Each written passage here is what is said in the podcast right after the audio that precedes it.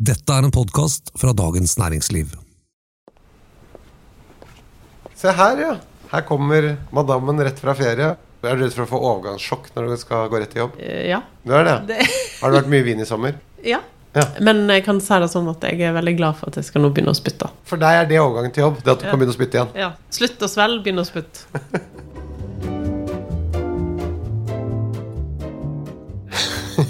Hei og hjertelig velkommen til sesongstart Ja. på Jeg kan ingenting om vin, en podkast fra Dagens Næringsliv. Mitt navn det er Thomas Giertsen, og velkommen tilbake vinanmelder og vinjournalist Merete Bø.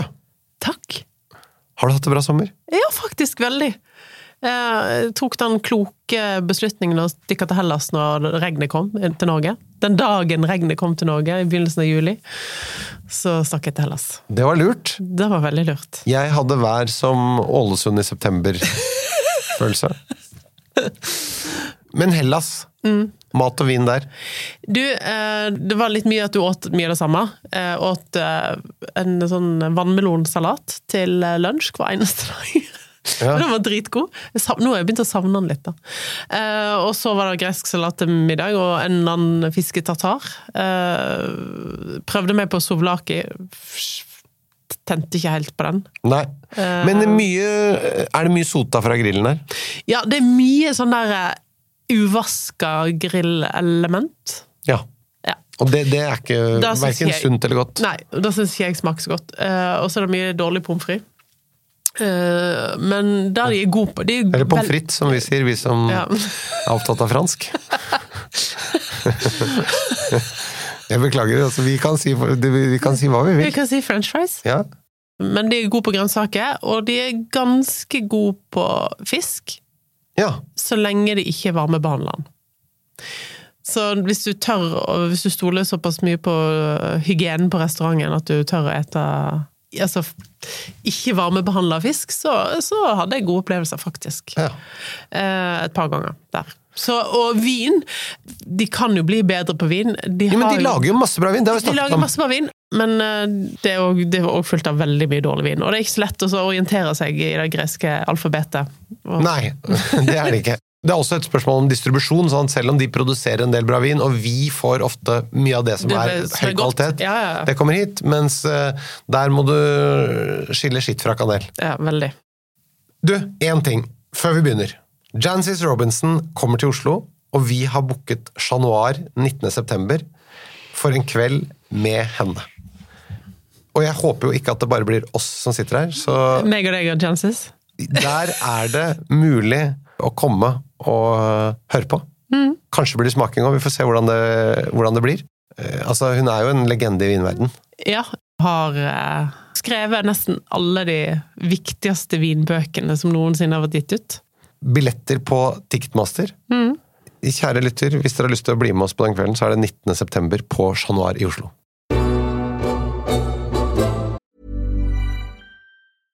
Ryan Reynolds here from Mint Mobile. With the price of just about everything going up during inflation, we thought we'd bring our prices down. So to help us, we brought in a reverse auctioneer, which is apparently a thing. Mint Mobile unlimited premium wireless. Ready to get 30, 30, bit to get 30, bit to get 20, 20, 20, bit to get 20, 20, bit to get 15, 15, 15, 15 just 15 bucks a month. So, Give it a try at mintmobile.com slash switch.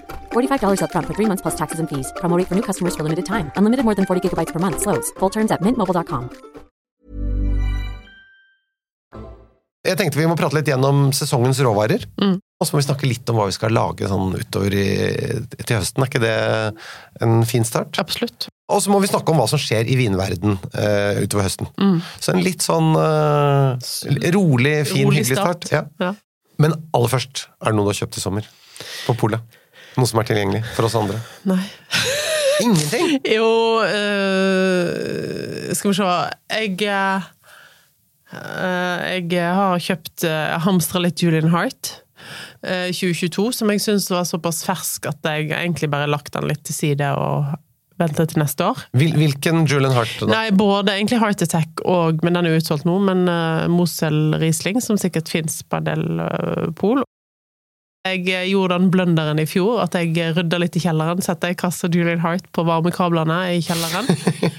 og så tenkte jeg faen, nå har den stått på varmekabler et år, hva har skjedd?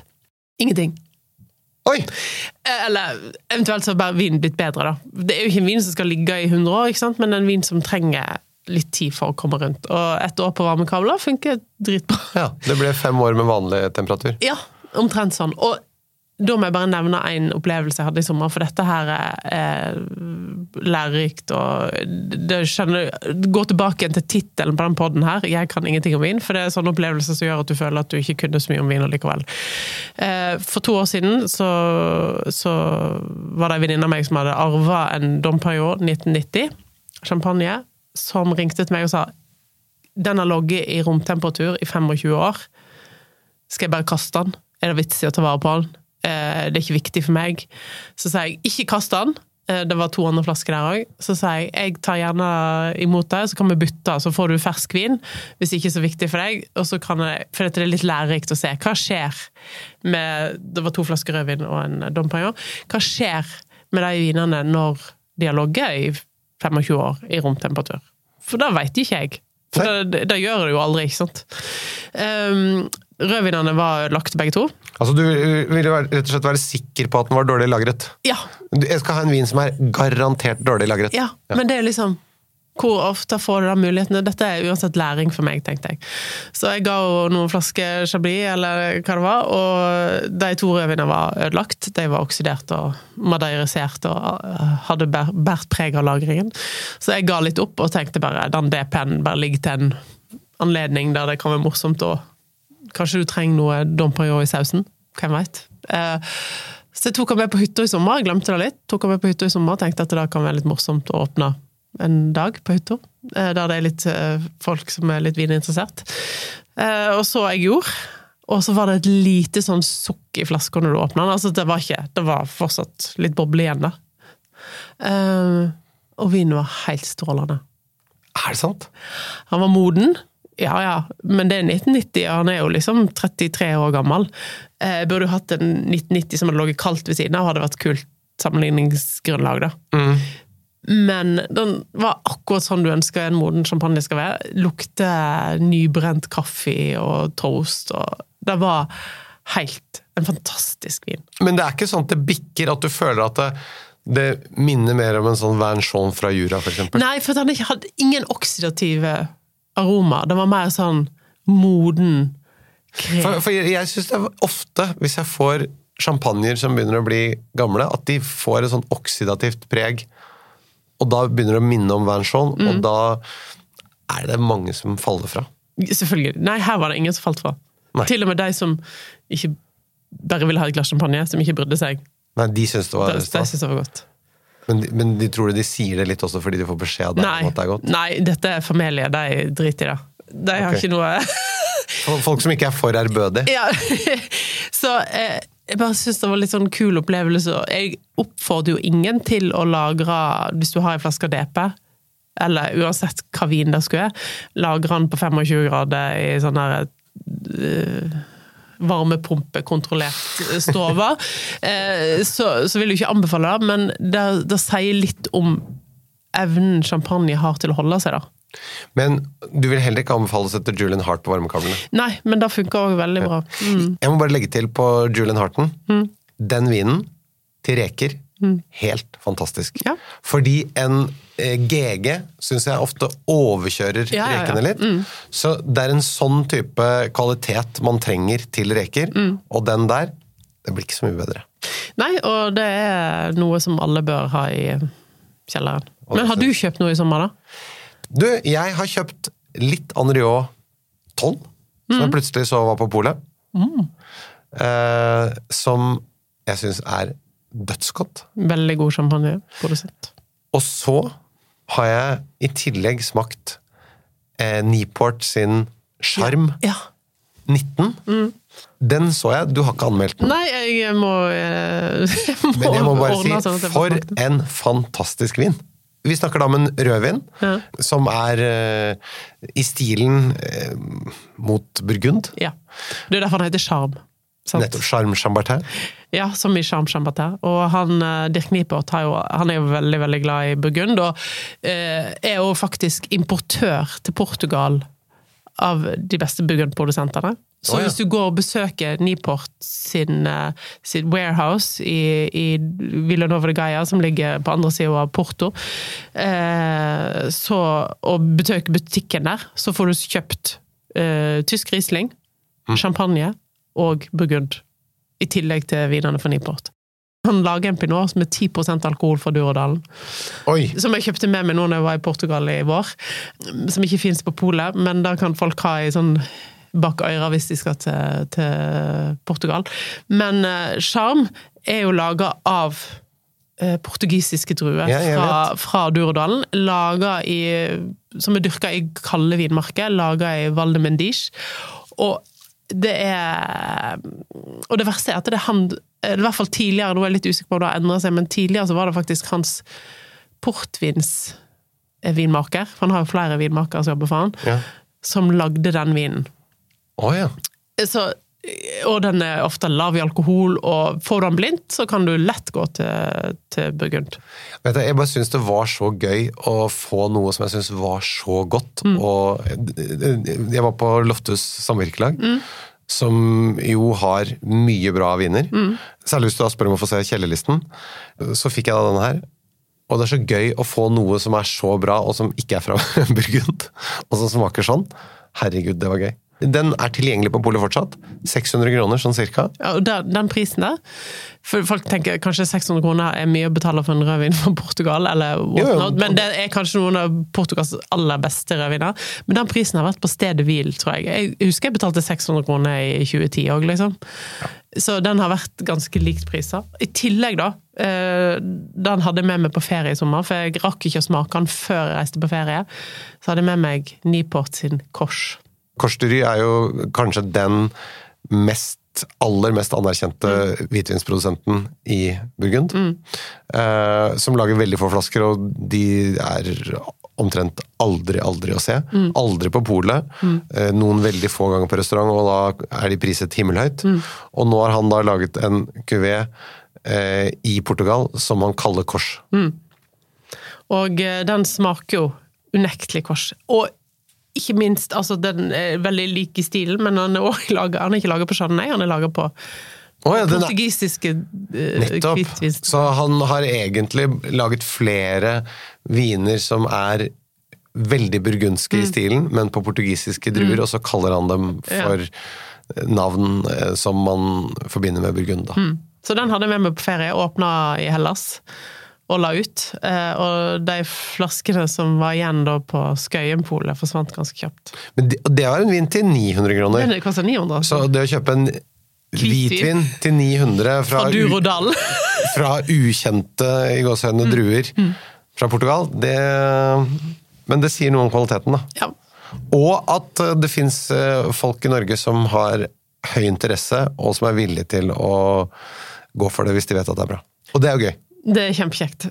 Jeg var en tur i Frankrike i sommer også, og altså, vi er så heldige i det landet her med tanke på hva som er tilgjengelig på Vinmonopolet av kvalitet. Altså, vet du hva? Det er helt fantastisk. Og øh, altså, med tanke på hvordan distribusjonen er av fransk vin i Frankrike kontra i Norge, vi er veldig, veldig heldige. Mye lettere å få tak i god vin i Norge enn nesten noen andre plasser i verden, vil jeg påstå. Så- Og, og prismessig også. Ja. Det, er, det er bare å være veldig fornøyd og Ja, når jeg var i New York før, i pinsen, så gikk jeg inn på vinbutikker. Det var ingen gode kjøp å gjøre. Altså, ingen. All fransk vin var dobbelt, tre, fire, oppi opp i ti ganger så dyrt som i Norge. Og um, amerikansk vin var dyrere enn i Norge, stort sett.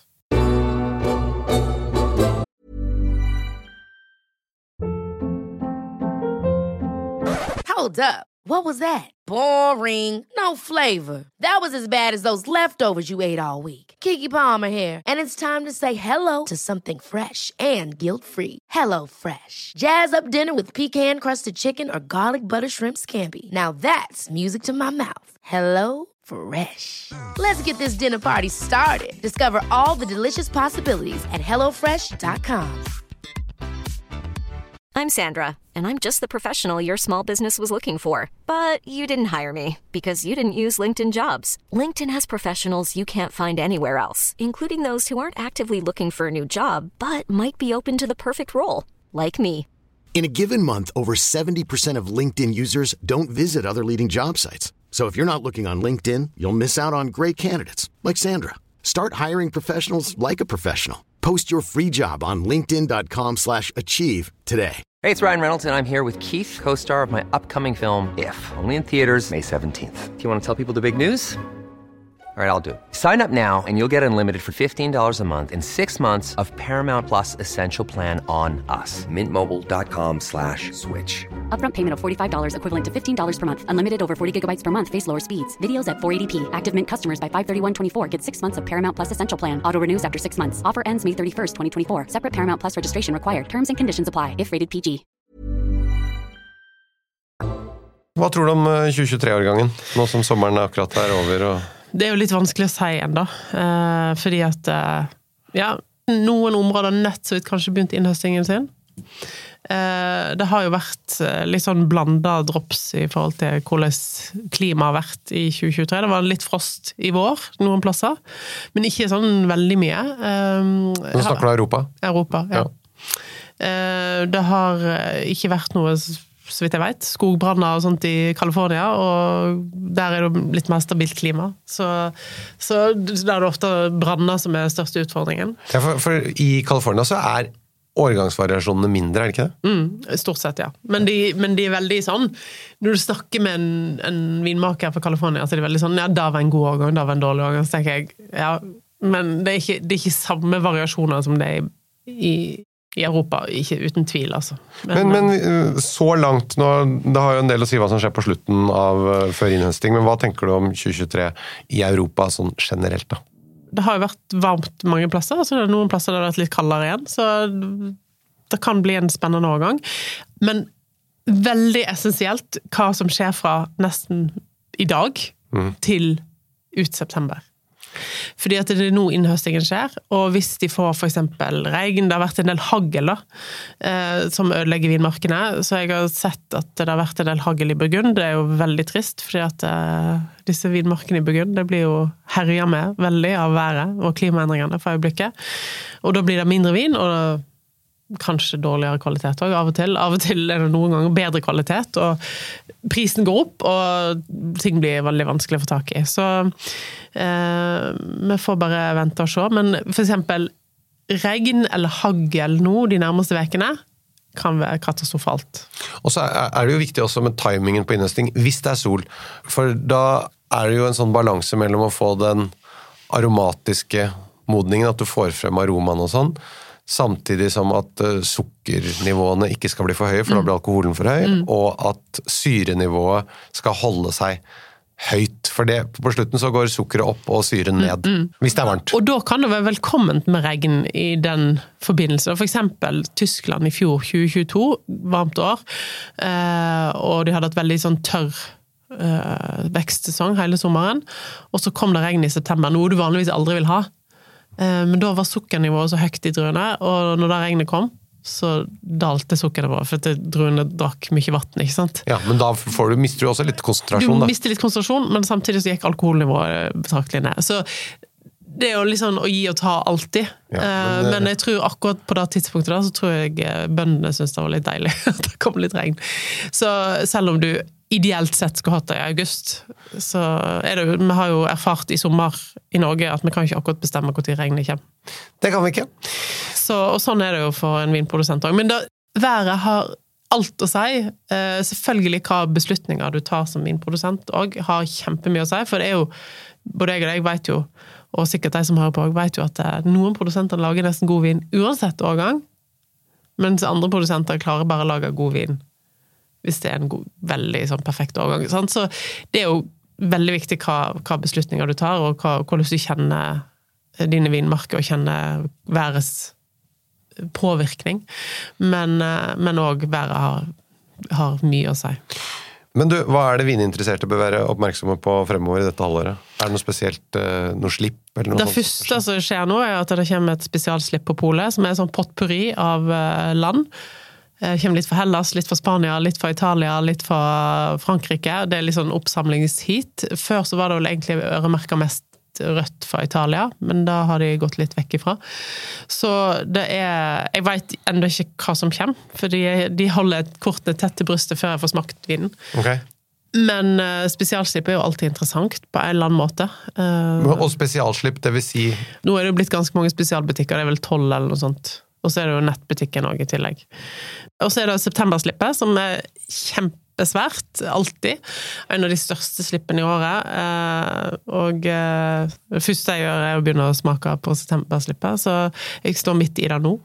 Eh, så jeg veit ikke alt som kommer, men selvfølgelig er det vanligvis eh, mye rødt. Okay. Sesongen tilsier det. Eh, både fra rån, og, og, men òg veldig mye fra Piemonte, normalt sett. Og så kommer jo selvfølgelig 1. september, så er det da det blir ikke slipp på polet før 6. september, men eh, 1. september så er det da lov å begynne å selge gråsiske vekst, altså GG-en i Tyskland. Altså Grand Cru, tørre Rieslingene for Tyskland, for sesongen. for sesongen 2022. Eller altså årgang 2022, da. Ja. Det, det er lovpålagt fra tysk side at den, eh, den kan begynne å selges, da. Eller at den skal lagres frem til, da. Ja. Men eh, i Norge slippes det ikke før 6., da. eh, På grunn av at det er polslipp 6. september. Ja. Skjønner. Det fins jo lite, men Norge får jo en stor andel av disse vinene Og vanligvis reiser jeg til Tyskland og smaker meg gjennom 600 av de. Uh, Får se om jeg gjør det òg. Jeg vet ikke, jeg har ikke bestemt ennå. Uh, Men eh, det er en ganske heftig dag på jobben. Mye Men jeg må bare si, det er så fantastisk, som jeg sa i sted. Altså den derre kurateringen som skjer uh, av Som egentlig er et samspill mellom da uh, importørene, Vinmonopolet, og også dere vinjournalister. Det vi ender opp med å få, vi som eh, sitter og er interessert i vin Herregud. Ja, altså, og det, er derfor en GG er det best å kjøpe i september. Noen, de beste produsentene kommer jo nå. Eh, Så er det jo da Polet har gjort det sånn at de har sitt Tysklandsslipp på spesialbutikk i april. Jeg vet ikke hvorfor de har gjort det sånn. De kunne like godt hatt det nå, så kunne alt vært ute av butikk. Men, eh, så de venter jo litt, da. Men da får du i hvert fall en, en sjanse til, da, hvis du går glipp av september. Hvis eh, ferielommeboka ikke er så feit som du hadde håpet. Nei, for det kan jo hende at den ikke er nå. Vi må snakke litt om de gode rettene å lage i høst. Råvarene. Ja, altså, det er jo det som er så kult nå i august. Hva er på din liste? Eh, du, jeg har kommet hjem til en hage som ser ut som uh, har fått mye regn, Uh, og som har vært, fått lov å vært hjemme alene. Og det er jo, jeg vet ikke om du har sånn der, har du sånn der plantekasse på Sankthanshaugen? Den, er, den plantekassa er på en måte Hva skal vi si? Den er Gror løvetann? Ja. For oppi der så har jeg da eh, poteter. Jeg har da jordskokk fordi at jeg jeg vil ikke ha det, men den, jeg får den ikke ut av plantekassen. Han vil bare være der. Ja, men den, det har jeg skjønt at den eh, kan fort ta Ja, den tar helt Men det er jo digg å ha, da. Jo, jo, men eh, det, det tar så mye plass. Eh, Og så eh, sukkererter. Oh, det er jo godt. perfekt nå. Eh, og det klarer du liksom ikke når du begynner å ete på det, så klarer du liksom ikke helt slutte. Og de hadde tatt helt overhånd. Og så er det jo selvfølgelig rotgrønnsaker. Som er alt dette kan Om en ikke har en egen plantekasse eller i en egen hage, så er det i hvert fall masse på butikken. Um, Og mange som selger bra kvalitet, kortreist kortreist og eh, økologisk, biodynamisk. Eh, Det er mye bra Og så blir jeg så glad når jeg kommer til butikken og så ser jeg at de har laga en bunt med rotgrønnsaker som ikke er putta inn i plastikk. En ting jeg begynte nett så vidt nå før eh, ferien var ferdig, var eh, brekkbønner. I ja. uante mengder. Og selvfølgelig sopp. Og, Sopp er jo i gang nå, men der må man tenke, tenke at der eh, Hvis du ikke har peiling på sopp, så er det kanskje best å kjøpe den i butikken fremfor å plukke litt eh, random. For du kan jo fort få ting som eh. Altså, krever innleggelse. ja, da, Eller dialyse. Ingen sopp er verdt det, vil jeg påstå. Nei, det vil jeg absolutt påstå. Det er ikke noe å lure på. Det er en no-brainer. Men jeg plukker sjøl fire forskjellige sopper, kanskje fem. Eh, men det er kantarell og traktkantarell, og jeg føler meg ganske trygg på det. Ja, men når du eh, plukker traktkantarell, og så får du en giftslørsopp Nei, men du, jeg mener at du ser forskjeller, men uh... ja, altså sånn, Men hvis du har med barn, og det er flere, og sånn, så kommer det én sånn som ligger oppi ja, kurven. nei, den, da er Da er det dialyse. Der. Hvis du er, er nesten Da må du ha nye nyrer. Ja. Da må du ha gode venner og god familie rundt deg, som er villig til å avse nyre til deg. Og så skal de si, som Larry David sa i en episode, her har jeg levd og passet på min nyre, og så skal plutselig han der ha min ene nyre, bare fordi han har slumsa, liksom. Ja. Fordi du har sosa på sopptur. ja. Hvorfor skal jeg gi bort min nyre, da? ja, og så står du kanskje i skiten en gang. Ja, ja. Da, da er det problem. Nei, så øh, der må man bare eh, lese seg godt opp og ha peiling, eller handle i butikken. Eh, Hva annet? Taskekrabbe. Veldig godt. Og så er det jo kreps og hummer når høsten kommer. Ja, hummer er ikke helt ennå, men Snart. om snart. Snart. Men jeg må si sjøkreps. Vi har snakket om det før. Hvis du måtte velge. Hummer eller sjøkreps? Sjøkreps. Det er jo enda bedre. Men nå, nå har jeg spist noen gode sjøkreps og spist noen dårlige, sånn er det alltid. Når de er sånn melende og overvarma behandla, så syns jeg det er helt grusomt, men Men hvis de, melende blir de fort hvis de ligger for lenge fra de har, er døde til de Så du må, Mm. Ja. de må dø også rett på varmebehandling. Så fort som mulig. Litt grann tåler men det, det, er ganske fort. også Men- kreps, men sånn ferskvannskreps, har du noe forhold til det? Du er jo Vet du hva? I fjor så var jeg så heldig eh, Det var en på jobben som eh, hadde kontakter, og jeg fikk da kjøpe en svær bøtte med kreps, ferskvannskreps, som jeg kokte. Med krondill og litt øl og, og sukker i vannet var det vel også. Og så eh, hadde det litt eh, brød, hjemmebakt brød, og litt eh, noe majonesvariant. Også et stykke Vesterbottenost, som jeg ble tipset om. Veldig koselig og godt. Og da spurte jeg deg hva skal jeg drikke til dette. Husker du hva du sa? Ja. Ja, kom igjen. Hvit bordeaux. Nettopp. For det har jeg testa sjøl. Jeg, eh, jeg, skulle skrive om dette for noen år siden. Jeg har ikke noe oppvokst på Vestlandet. Det er jo faktisk kreps i noen vann der, men det er jo liksom ikke så vanlig at vi spiser de. Så jeg hadde ikke noe sånn sterkt forhold til det. Så jeg måtte virkelig sette meg ned og teste dette. her. Kjøpte ei bøtte med kreps og testa i vei. Og da fant jeg ut at det var mye vanskeligere enn det jeg skulle tro. For den krondilen bestemmer så mye. Eh, og krondill er jo Jeg elsker krondill. Syns det er helt fantastisk. Hadde med meg en hel bukett fra Oslo når jeg reiste på hytta i Hardanger. Bare for å ha det på alt mulig forskjellig. Mm. Men den fucker opp litt for vinvalget, da. Så det eneste jeg fikk til å funke sånn skikkelig bra, var hvit bordeaux. Og hvit bordeaux er litt sånn undervurdert, og vi glemmer det litt at det fins. Så det er en gyllen grunn til å ta opp en vin som man ikke drikker så ofte. Så hvis man har krepselag fast, så kan man kjøpe seg et par flasker hvite bordeauxer fast i året, og så er de til det krepselaget. Mm. Ja, altså- de er jo flere andre ting du kan bruke det til, men da er det i hvert fall avsetning på dem der. Ja, og det, gjør ingenting om du ikke bruker opp alt heller, fordi at uh, du kan ha det i kjelleren ganske lenge. Ja, ja, ja. Eh, ja. De tåler ja.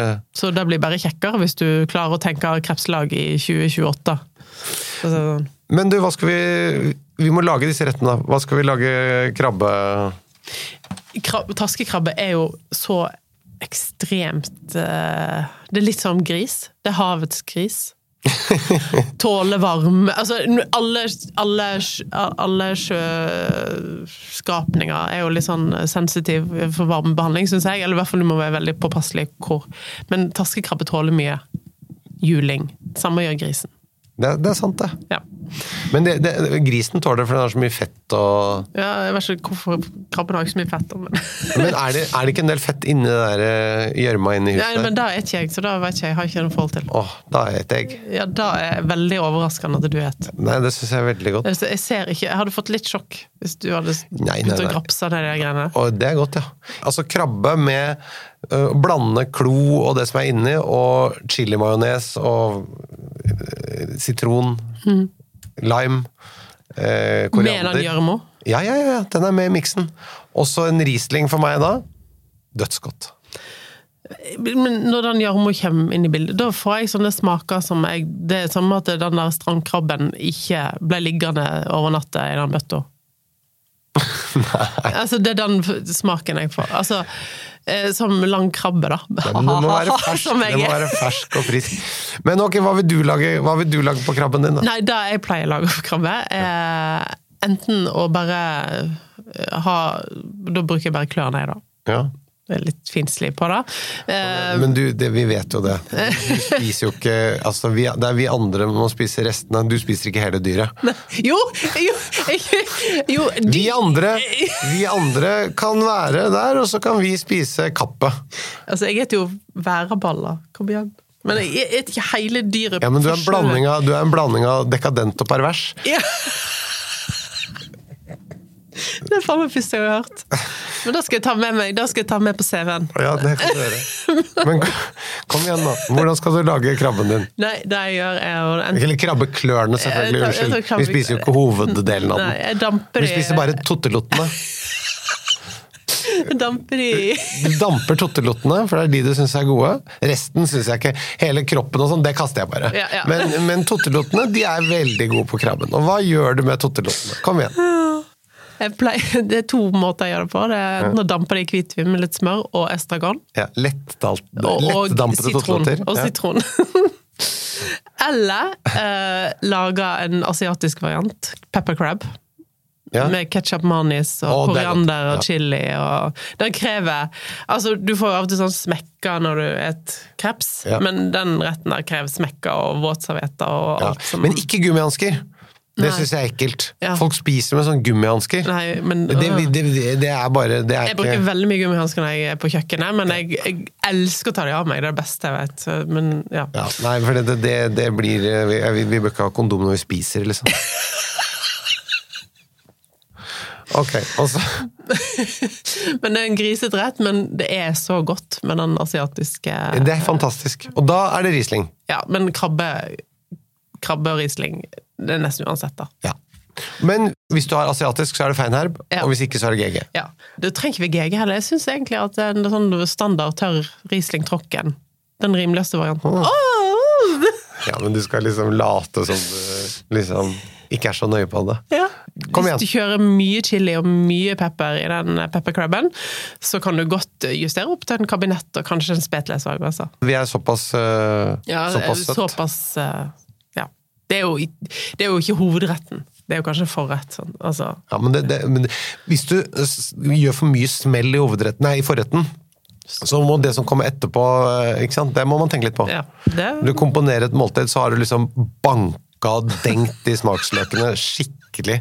Så smaker du ingenting av den der stekte lysingen, eller dampede lysingen som du skal nei, den kan ikke være noe sånn tander eh, Nei, det kan det ikke. Ok, og kreps det snakket vi om, men skulle vi tatt en runde på sjøkreps? da? Ja, kan du gjøre det? Hva vil du lage av sjøkreps?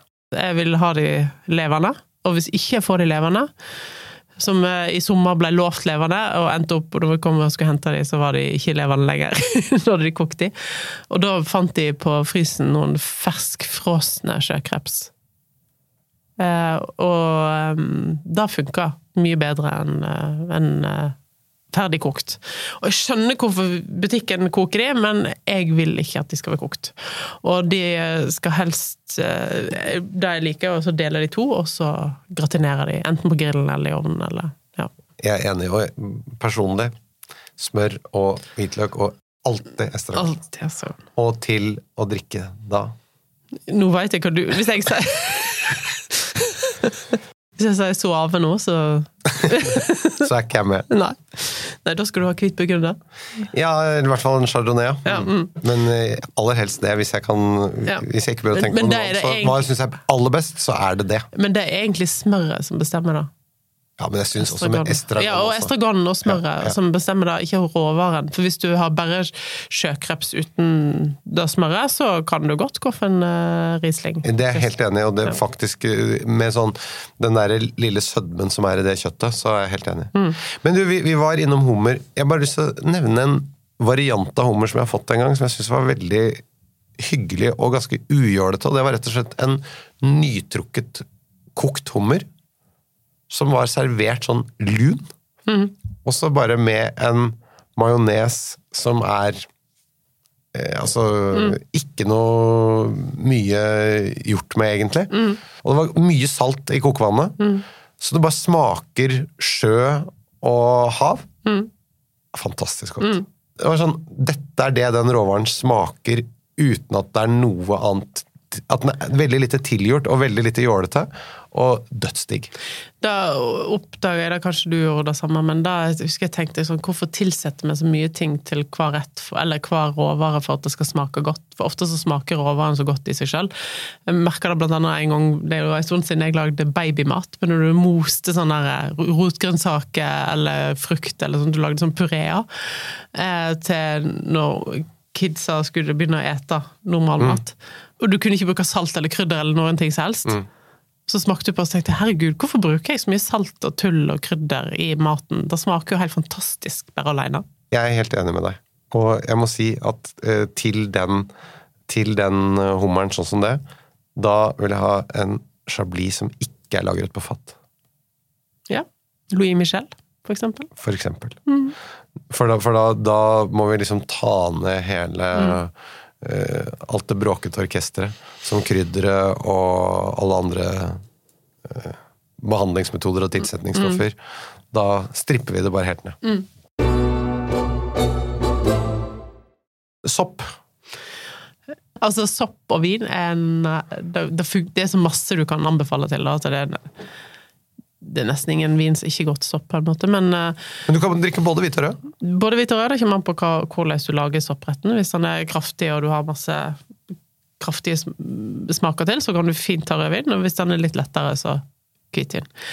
For eksempel den retten jeg lager mest nå i august, er eh, Hvis jeg da har klart å få tak i kantareller, som jeg gjerne plukker sjøl. Eh, vanlige kantareller. Og med en maiskolbe, som òg er sesong nå. Eh, som jeg bare svir lett av på panna. Skjærer av maiskornene og blander sammen med soppen. Krondill, og, eller og vanlig dill, eller alt det sånn, begge deler. Og litt fløyte. Litt hvitløk eller trenger du ikke det? Nei. Nei. Og så har du på toast. Og salt og pepper. Ja. Da Hva drikker du til det, da? Nei, da er det. Ja, det er det, ja.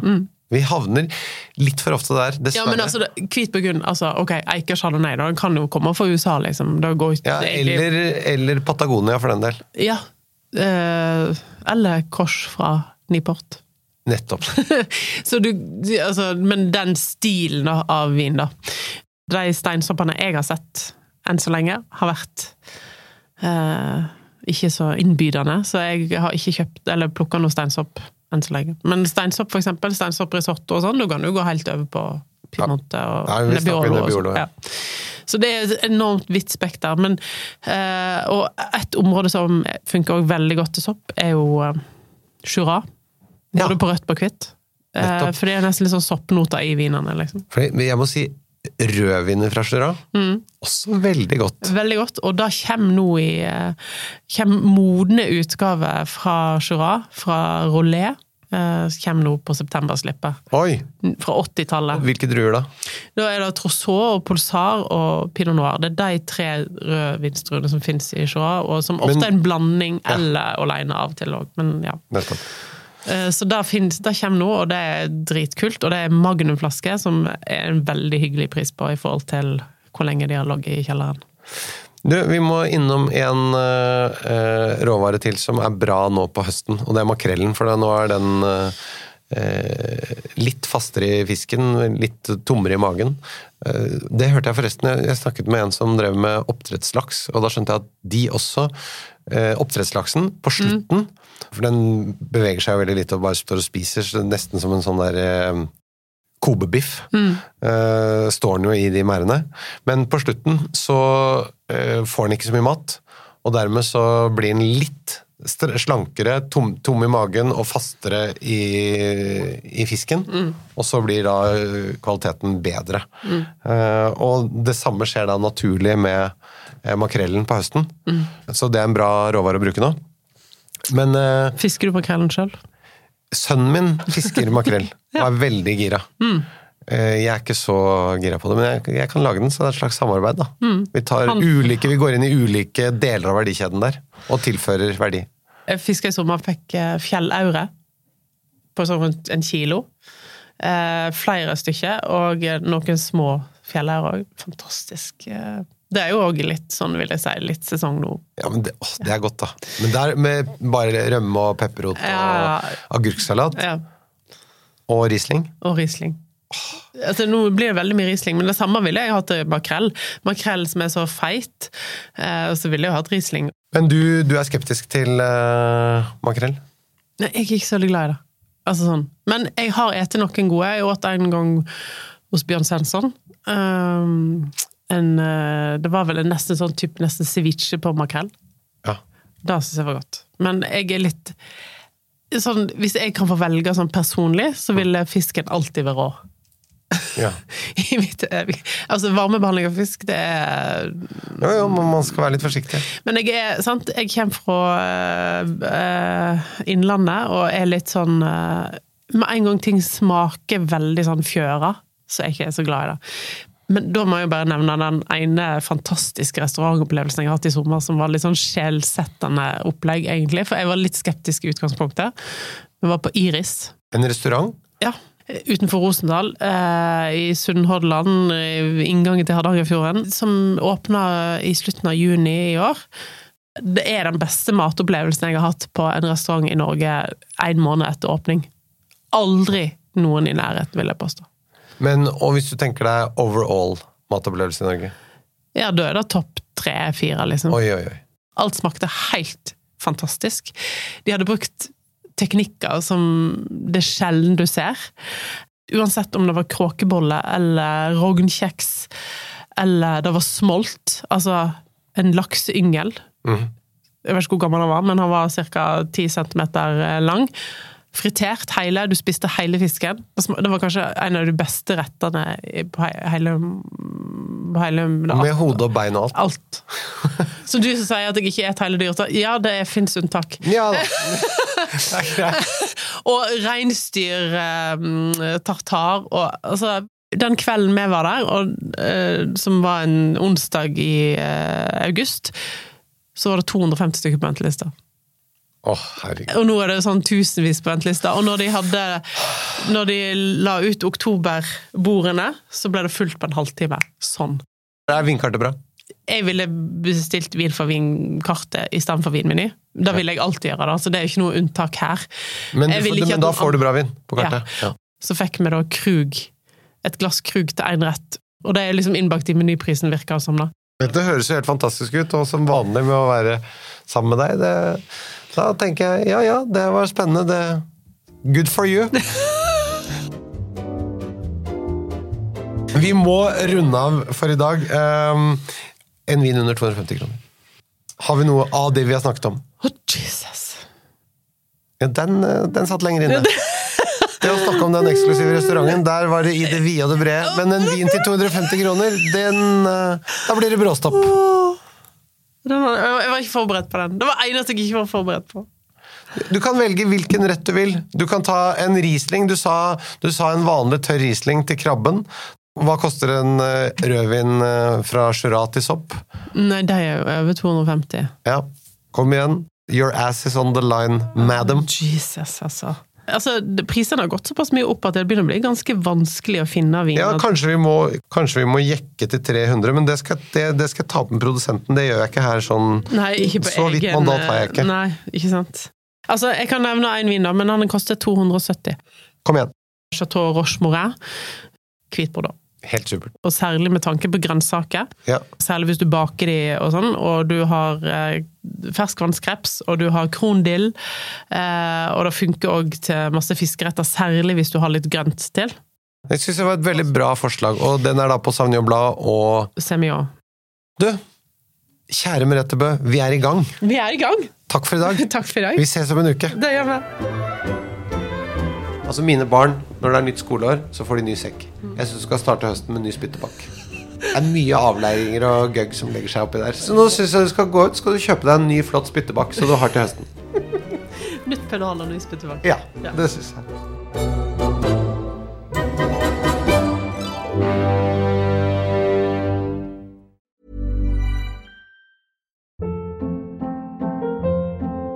Hold up. What was that? Boring. No flavor. That was as bad as those leftovers you ate all week. Kiki Palmer here, and it's time to say hello to something fresh and guilt-free. Hello Fresh. Jazz up dinner with pecan-crusted chicken or garlic butter shrimp scampi. Now that's music to my mouth. Hello Fresh. Let's get this dinner party started. Discover all the delicious possibilities at hellofresh.com. Du har nå hørt en podkast fra Dagens Næringsliv.